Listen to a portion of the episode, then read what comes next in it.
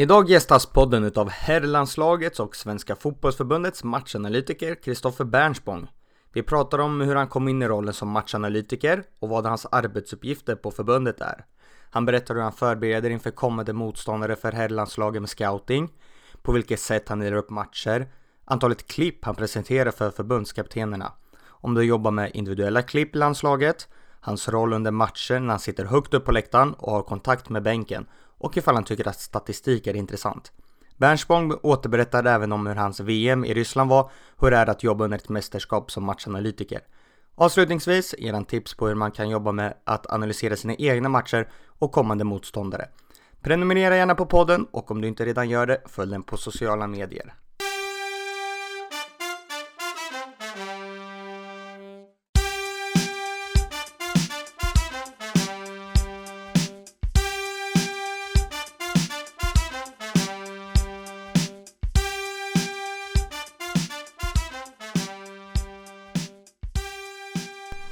Varmt välkommen Kristoffer Bernspång till Möt fotbollstränarna.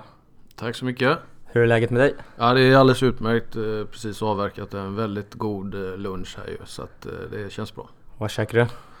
Det blir en hamburgare. Det är en klassiker på fredagar här för oss som jobbar med matchanalys på förbundet. Titta på fotboll och sen käka burgare? Japp, det är en bra tillvaro som man kan ha. Hur ser det ut dina vardagar generellt här på kontoret på förbundet?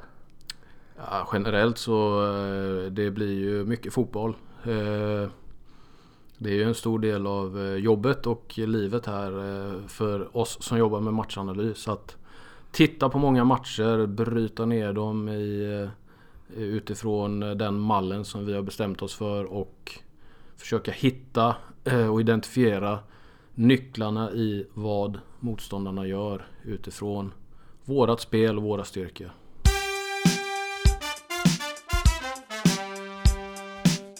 Du har väl inte missat tävlingen och samarbetet jag har tillsammans med Vio där du kan vinna en Vio i tre månader till dig och din klubb. Det enda du behöver göra är att gå in på vio.co fotboll för att delta. Vio är AI-fotbollskameran som filmar och spelar in matcher utan att det behövs någon kameraman. Stort lycka till i tävlingen och tack till Vio! Ålder? 39 år. Familj? Jag har en mamma och en pappa. Jag har tre syskon och fem syskonbarn. Bor? I Stockholm. Bästa spelen du har tränat? Usch, alltså, jag har inte varit tränare på någon imponerande hög nivå men om vi ändrar frågan till vilka jag har jobbat med så är det ju väldigt många eh, imponerande spelare. Så att det känns konstigt att nämna någon faktiskt. Både i damlandslaget, i U21 och nu med herrlandslaget och även i yngre landslag så har man haft förmånen att stöta på många spelare som på olika sätt har imponerat stort på mig. Favoritlag? Ja det är ju Sverige då får jag säga för att jag följer inte så mycket klubbfotbollen överhuvudtaget längre utan det, det får bli Sverige då när, när vi spelar oavsett om det är eh, vilket landslag det är så, så är jag på Sverige då. Följer du den europeiska fotbollen eller blir det att när du kommer hem från jobbet att jag vill inte se någon mer fotboll, nu måste jag tänka på annat? Ja det blir mer åt det senare för, faktiskt. För att jag, jag vill, eh, när jag väl jobbar så vill jag kunna eh, göra det med liksom 100% i energi och 100% i insats för att resultatet ska bli så bra som möjligt. Och eh, då, för mig är det viktigt då att skilja mellan liksom jobb och privatliv. Och att försöka eh, sysselsätta sig med andra saker så att man inte blir trött på fotboll för att man konsumerar det dygnet runt utan då vill jag hellre fokusera den energin på att göra ett så bra jobb som möjligt när det, när det väl gäller. Liksom. Förebild?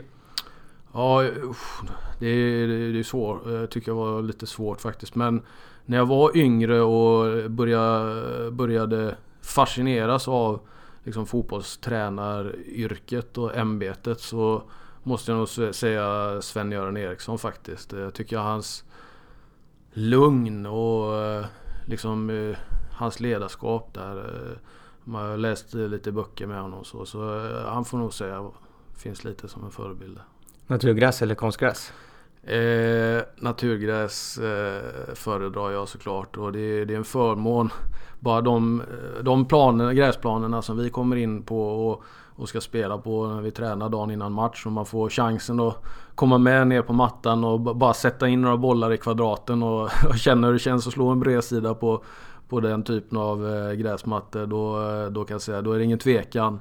Sen så har jag full förståelse för vilken eh, betydelse konstgräset har. Framförallt för eh, ungdomsfotbollen och möjligheten att kunna träna mycket mer på, på samma plan. Men också utifrån eh, vissa delar på året när väderleken kanske inte inbjuder till, till så bra gräsplaner. Då, då fyller konstgräset en fantastisk funktion. Favoritsyssla utanför fotboll? Ja, det är investera i aktier och så samlar jag på vin. Så det är de två grejerna som är stora intressena utanför fotbollen. När började du intressera dig för fotbollstränaryrket?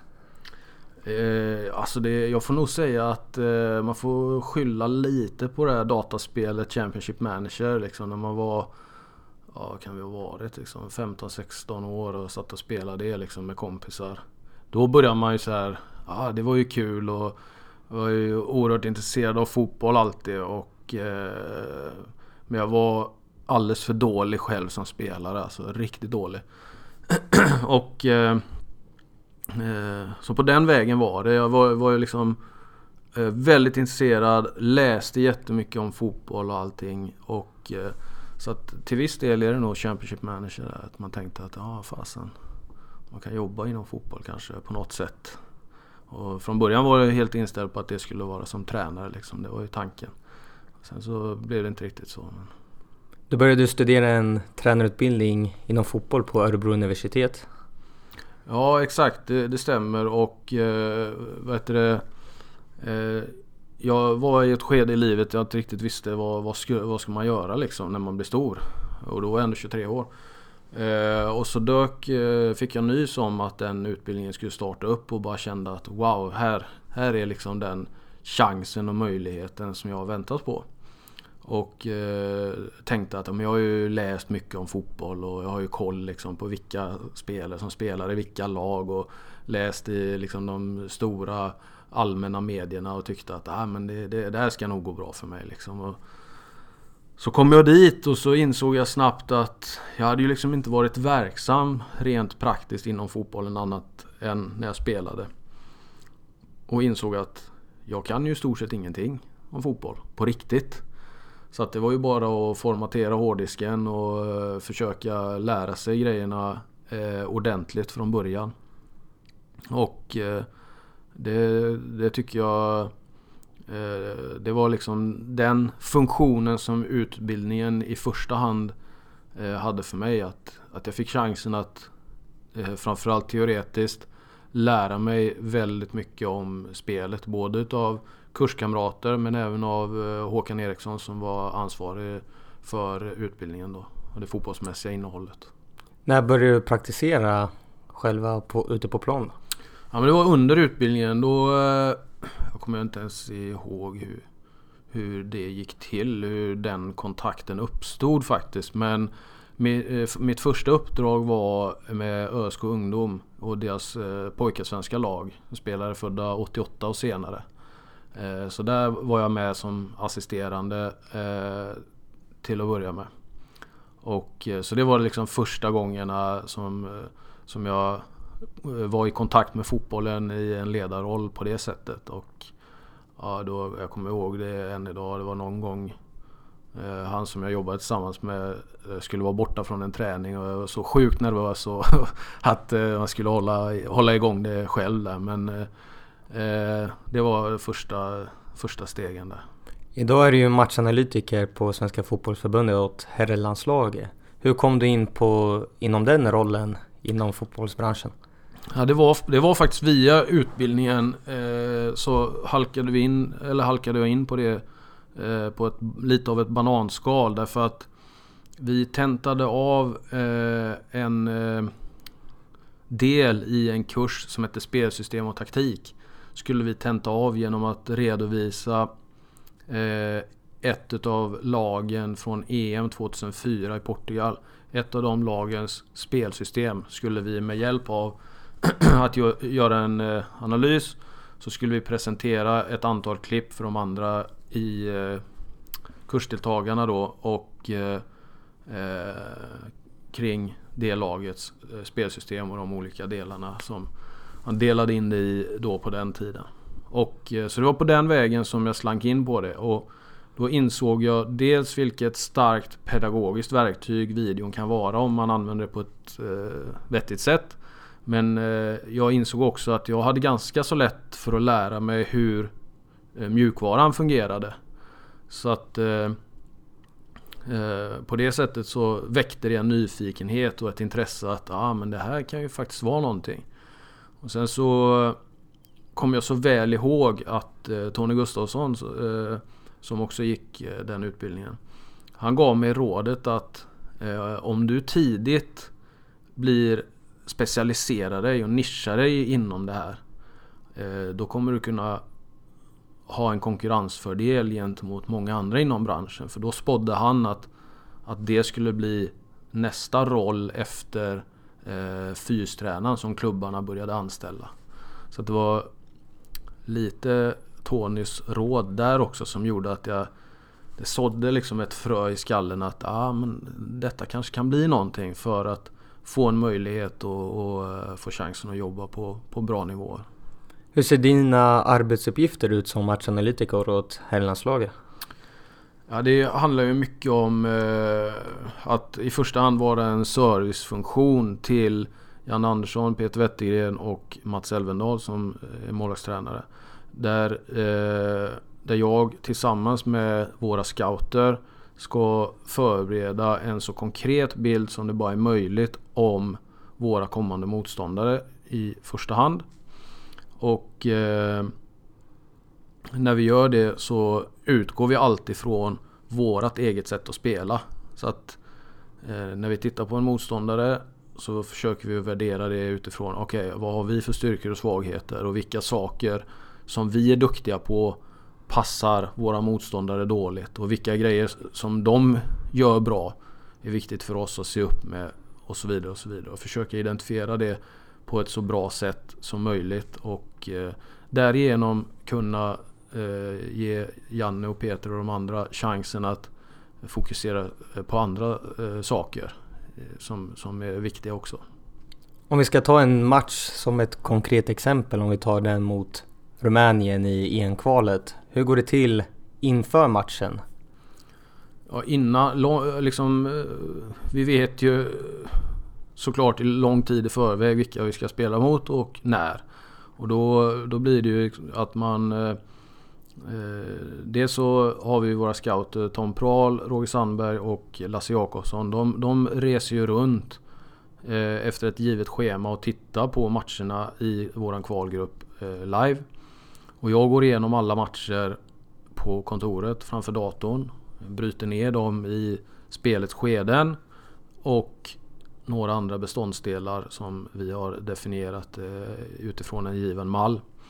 Och det innebär att eh, eh, Tom, Roger och Lasse de skapar sig en bild och en uppfattning när de är ute och ser matcherna på plats. Och jag eh, skaffar mig min uppfattning om hur, hur jag upplever det här laget när jag klipper isär matcherna och eh, kan gå igenom dem och titta på det ett varv till i, i, eh, i efterhand då, och kunna isolera varje skede i spelet och, och, bara titta på all speluppbyggnad efter varandra i en match. Alla kontringar och på det sättet lättare kunna utläsa vilka eh, utgångspositioner de har i eh, varje givet skede. Men också om det finns tydliga mönster i arbetssättet så, så är det lättare att identifiera dem. Eh, sen kan man säga att veckan innan vi ska avrapportera till coacherna så har jag och den aktuella scouten, då bokar vi in ett möte. Vi har ju givetvis löpande kontakt under hela processen fram eh, på telefon och, och sånt där eftersom de finns ju utlokaliserade geografiskt på lite olika platser. Då. Eh, men sen så sitter vi, bokar in en hel dag. och sammanställer eh, våra intryck då från, från de två olika hållen och perspektiven som vi jobbar. Och givetvis så ser ju de också om matcherna i efterhand när de väl har varit eh, på plats då. Men, och då handlar det bara om att vi, vi synkar ihop eh, våran bild. Har vi uppfattat samma saker eller skiljer sig våra uppfattningar åt? Och då blir det ju att eh, vi, vi sammanställer de klippen som vi har uppfattat som de mest intressanta. Och så värderar vi alla de klippen som vi har fastnat för. Då värderar vi dem som vi anser vara de bästa mot varandra. Och på så sätt så kan vi förhoppningsvis komma fram till en eh, väldigt konkret bild som vi sen kan presentera för eh, coacherna då. Hur nära och tätt samarbetar du med de här bevakarna?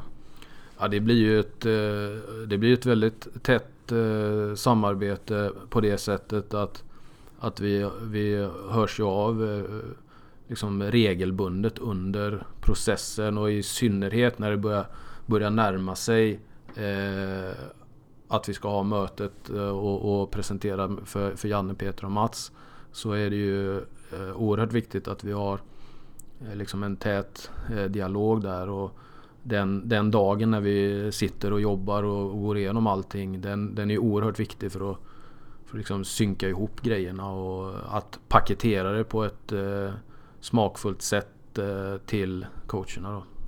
Nu när du kollade på Rumänien, från hur många matcher använder du klipp ifrån?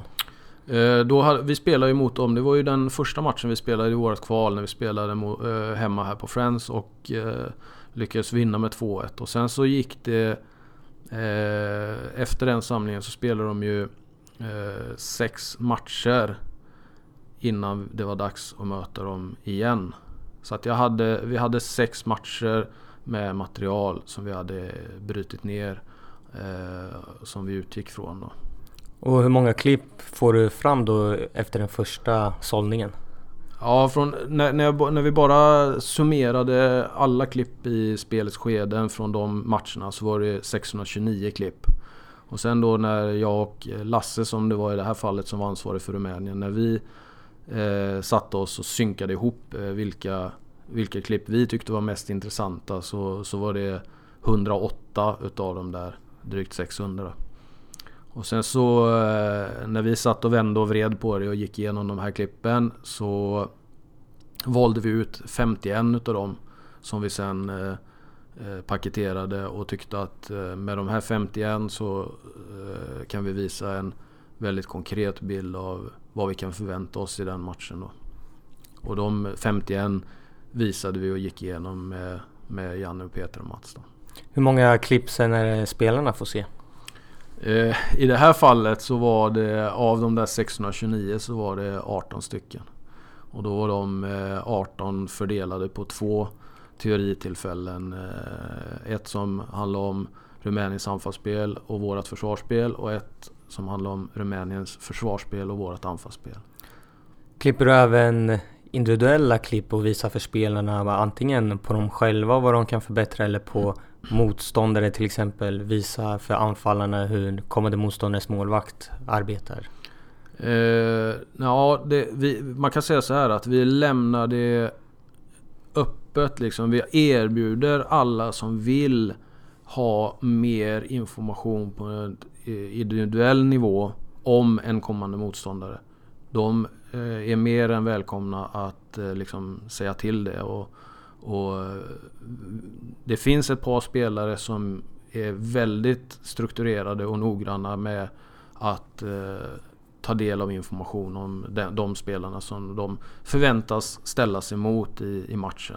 Och eh, så, så det förekommer regelbundet den typen av träffar att eh, gå igenom eh, motståndarnas spelare och eh, plockar, gör ett urval av klipp för att det är klart att ibland så känner ju eh, våra spelare väldigt väl till vem de ska möta. Liksom. Om man möter någon av de stora nationerna så, så kan det ju vara spelare som de har mött i, i, i ligan eller i Champions League eller sådär. Men ibland när det eh, man möter nationer med, där spelarna kanske inte till, spelar på, på den högsta scenen i Europa så, så kanske inte de har så god kännedom om vilka egenskaper den spelaren har. Eh, men det lämnar vi som sagt upp till dem själva. Ibland så händer det att man eh, när jag går igenom våra egna matcher i efterhand att man snappar upp några saker som man ser att en spelare har gjort väldigt, väldigt bra.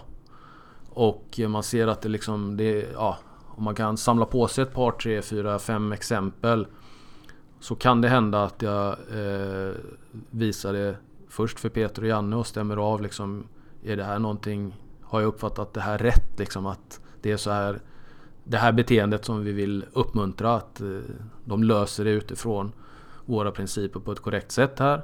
Och då, eh, om, om, om de ger grönt ljus så kan det hända. Ibland så lämnar jag över de klippen till Peter och, och Peter sätter sig med den spelaren och går igenom det. Och ibland så säger de att Nej, men tar du det med, med honom själv och visar det, det blir kanonbra. Så det är några tillfällen som, som eh, det har blivit den typen av sittningar också där man har förstärkt någons väldigt goda beteenden och aktioner i efterhand. När du ska scouta motståndare, kollar du också på någon typ av statistik? Ja, alltså vi, den eh, eh, nedbrytningen av matchen som vi gör genererar viss typ av data. Men det Nej, så egentligen är det stora svaret, eh, eller det enkla svaret är att eh, vi inte fäster så jättemycket vikt vid några statistiska faktorer när vi tittar på motståndarna. Är statistik viktigare för ert egna spel? Eh, ja, där skulle jag säga att vi sätter ett större värde på vad vi själva gör. Liksom. För det kan vi dels styra mer såklart, men utifrån vårt eget spel så, eh, så är den statistiska datan som vi själva genererar den är ju dels till för att få någon form av benchmark. Vad, vilken nivå, vad behöver man uppnå i olika parametrar för att kunna tävla om en eh, EM-plats i en EM-kvalgrupp i ganska hård konkurrens. Eh, det tycker jag dels är intressant att få någon form av benchmark där. Liksom, vilken nivå måste man upp på? Men också så eh, har vi en förhoppning om att lära oss någonting av den objektiva datan. Liksom. Och, eh, att det, det, det lilla, för det får man ju också säga, konstatera att eh, med, vi spelar ju tio matcher på ett år och det är inget jättestort underlag liksom, statistiskt sett. Så det, det, måste man ju också ha väldigt klart för sig att man kan inte dra för snabba slutsatser om saker och ting. Men över tid så är förhoppningen att man någonstans ska hitta några grejer i den datan som man eh, kan lära sig om spelet via. När vi kommer till själva matchen, vad gör du då? Då eh, då sitter vi, eh, jag och scouten sitter på en position högt upp på eh, läktaren. Eh, och eh, scouten har eh, radiokontakt med bänken direkt. Och jag kan ha kontakt via text och bild via min dator.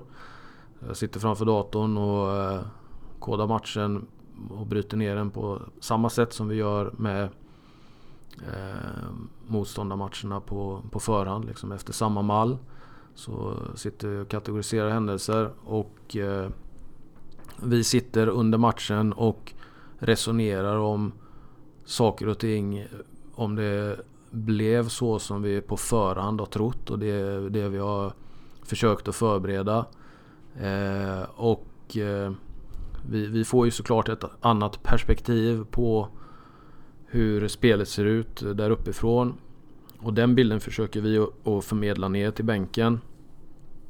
Och då handlar det oftast om eh, eh, utgångspositionerna som motståndarna har. Om vi kan bekräfta att de eh, stämmer med det vi trodde eller om det är några skillnader och i sådana fall vad de skillnaderna är och om det innebär också några skillnader kring vilka ytor de försöker komma åt eller vilka ytor som då finns möjliga att attackera i. Om det är någon skillnad så, så, så har ju vi en, en bättre möjlighet att upp, se det uppifrån. Då. Så det försöker vi att förmedla ner så gott det går. Vad kan det vara för klipp du väljer att skicka ner till bänken? Vi har faktiskt valt att eh, hålla oss till att skicka stillbilder ner. Därför att eh, dels så eh, var det eh, under VM i Ryssland så var det det systemet som Fifa introducerade då. Det tillät stillbilder. Eh, de kunde inte garantera då att rörlig bild att det skulle fungera så som de önskade. Så därför hade de valt att begränsa sig till stillbilder med det systemet som de erbjöd. Sen så till damernas VM i Frankrike förra sommaren. Då hade de eh, utvecklat grejerna. Så att då kunde de eh, skicka ner även rörlig bild till, till bänken. Men eh, eftersom att vi fick börja med stillbilder så på något sätt så Dels så vande vi oss vid det. Men sen så konstaterar man också att skickar du ner en stillbild där du har valt en specifik bildruta. Att här, bam, här vill jag skicka ner. Då eliminera det risken för missförstånd när den kommer ner också. Därför att eh, skickar du ner en rörlig bild så, så här, ah, okej okay, men vad är det jag ska titta på för någonting? Och då kanske man inte har möjlighet att eh, dels eh, liksom skriva en lång uppsats att ja, men du ska titta på det här därför att bla bla bla. Så här.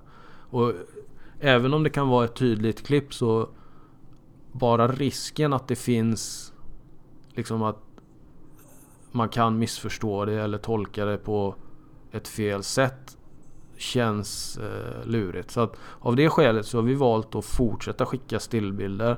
För då är det, då är det liksom det är en ögonblicksbild och man kan lätt pinpointa vad är det vi är ute efter. Är det ytan eller är det deras organisation eller är det någonting annat som relaterar och kopplar till den matchplanen vi har lagt upp då. För det är, ju liksom det är utifrån det vi eh, i matchen eh, utvärderar vad som händer. Hur såg VM i Ryssland ut för din del? Ja, det blir ju, det blir ganska mycket jobb. Får jag säga. Och då, då vill jag inte att det ska låta som att man klagar eh, på något sätt. Va? För det, det är det absolut roligaste eh, som man bara någonsin kan uppleva. Och eh, det mest spännande man kan vara med om. Så att det, det är liksom eh, absolut inte eh, att, eh, att vilja klaga på den tillvaron. För att när man trivs så bra i ett sammanhang och tillsammans med de kollegorna som man jobbat tillsammans med och med spelarna. Då, då vill man ju till varje pris göra absolut det man kan för att bidra till eh, Eh, att resultatet ska bli så bra som möjligt i slutändan. Och eftersom att det då är ganska många grejer vi vill hinna göra eh, mellan varje match och hinna förbereda för att det ska bli så bra som möjligt. Så, så, så blir det ju en ganska hög arbetsbelastning då. Så det var, eh, det var vid några tillfällen som man var riktigt, riktigt trött. Och som tur var så, så har vi en bra chef då i, i Janne som eh, vid något tillfälle sa åt mig vid ett ledamöte, där att eh, nu, nu går du och lägger dig efter vi är klara här. För då kanske man inte eh, såg så grann ut liksom. Jag var ganska trött. Så, eh, då sov jag 11 timmar bara boom. Och så vaknade jag nästa dag och så hade man liksom energin var bara tillbaka i kroppen för att de hade fått sova en ordentlig natt och då var det liksom bara okej okay, kom igen nu kör vi igen. Så, eh, men eh, det, det, är ju en fantastisk eh, upplevelse såklart. I sommar så stundar ju ett EM-mästerskap. Hur jobbar du inför det? Ja, vi försöker ju precis som egentligen så kan jag säga så här, det är inte det är inte jättestor skillnad att det är en EM-premiär mot Spanien eller om det är en kvalmatch mot Färöarna. Liksom. Vi, vi har vårt sätt att jobba som vi eh, har utvecklat under, ja det är inte jättelång tid jag har varit med i den här miljön men eh, under knappa två år. Och eh, vi känner oss väldigt trygga med det sättet att jobba och vi är väldigt, väldigt konsekventa i det. Eh, och jobbar liksom mot nästa match hela tiden. Men det är klart att när man ska spela en EM-turnering så då vill man ju förbereda så mycket material som möjligt i så god tid som möjligt. Så att man inte kommer nära turneringen och sitter i panik där sen. Utan eh, vi försöker ju jobba undan så mycket matcher som det bara är möjligt just nu. Och jag skulle tro att eh, när vi väl står där i EM så, säkert, så, är det väl en åtta matcher som vi har gått igenom med, med varje lag i, i gruppspelet. Då. Förutom att jobba i flera landslag så har du ju även varit i Hammarby. Hur mm. skiljer det sig att jobba i ett landslag och i ett klubblag? Ja, dels så måste man ju ha perspektivet att det var mer än tio år sedan jag jobbade i Hammarby. Och i den här branschen så går saker och ting väldigt, väldigt fort. Liksom. Tio år med den utvecklingen rent tekniskt och med vad för typ av tjänster som är tillgängliga idag jämfört med hur det såg ut då. Det är, det är, liksom, det är som att jag har bytt tidsålder. Va? Så att utifrån den aspekten så känner jag väl inte riktigt att jag egentligen har koll på hur förutsättningarna är idag mot hur det var då. Liksom. Eh, men självklart så är det ju en stor skillnad. Vi spelar 10 matcher per år. Och ett klubblag då, då spelar de kanske 30, 40, 50 matcher. Så bara där har du ju en aspekt i det. Att skulle man spela 50 matcher och vilja förbereda varje utav de 50 på, på samma djupa sätt som vi förbereder eh, eh våra 10 matcher. Då behöver man nog vara några fler personer. Eller så behöver man ta hjälp av andra typer av tjänster. Det, det är väl det jag kan tänka mig. Sen så är det ju såklart en skillnad i om du jobbar i en klubb och jobbar liksom dagligen med spelarna så kan du ha kanske mer så här eh, längre processer liksom utvecklingsmässigt i spelet och individuellt hos spelarna på ett annat sätt än vad vi har som vi lånar ju bara in spelarna från deras klubbar under ett par dagar. Och man, ska man vara ärlig så, så kan man ju inte säga att vi jobbar så mycket med utveckling utan vi jobbar ju med förvaltning av de spelarna som finns till bud och, och, och försöker välja ut, eh, Janne och Peter försöker välja ut de spelarna som de tror har de största chanserna att eh, prestera absolut bäst utifrån det spelsättet som, som är valt. Och, och eh, så, så på det sättet så jobbar inte vi med utveckling av den enskilda individen på det sättet. Utan det, det jobbet ligger ju framförallt i klubbarna. Vad har du för tips till tränare som vill jobba med att analysera sina motståndare eller sig själv och kanske inte har, har lite ont om tid och inte är heltidsanställda? Jag tror att eh, om man... Eh, ja, jag inser att det är väldigt stor skillnad beroende på vilken nivå man är på och vad man har för ambitioner. Men jag tror att om man någonstans vill ha en chans att hänga med inom fotbollen över tid och framåt så har man ingenting att välja på. Då behöver man jobba med videon som ett medium. Alltså när, när jag började eh, åka med de yngre landslagen första gången 2007 så var det ju många gånger så att det var ju första gången de spelarna överhuvudtaget såg sig själva på video. Och eh, absolut i synnerhet första gången de såg sig själva spela fotboll den generationen som växer upp idag där de har mobila enheter som har, som har kameror som är långt bättre än vad de videokamerorna som eh, den kvaliteten de hade när jag började jobba 2007 var utav.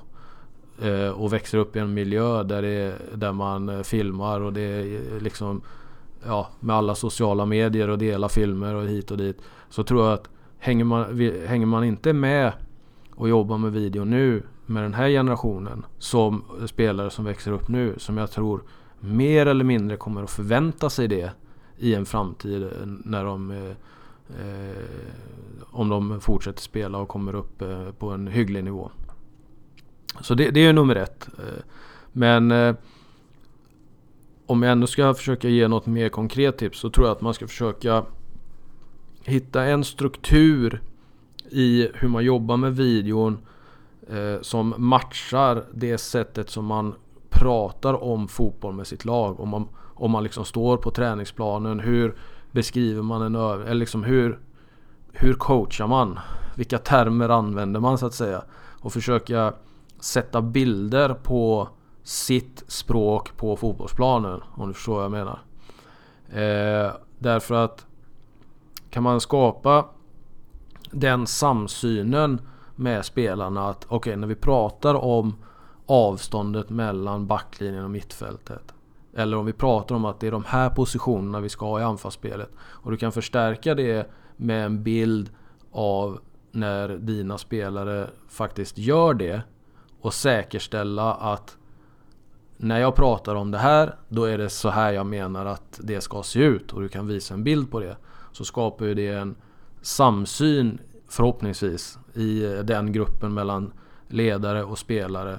Där man när man nästa gång står ute på träningsplanen så, och man hänvisar till okej okay, avstånden här eller ah, vi måste korrigera, vi måste hamna i rätt positioner i vårt anfallsspel för att vi ska ge oss själva chansen att spela den fotbollen vi vill. Har man den bilden och det liksom synkar sättet som man jobbar med videon med sättet som man uttrycker sig om spelet. Då tror jag man kan hjälpa sitt lag enormt mycket att utvecklas i, i, eh, i eh, spelet. Vilken tränare skulle du vilja lyssna på i podden? Uh, ja, det, dels har du redan haft med väldigt många intressanta gäster. Bland annat mina kollegor i landslagsledningen Daniel Ekvall och Mats Elvendal som är fantastiskt duktiga på sina respektive områden.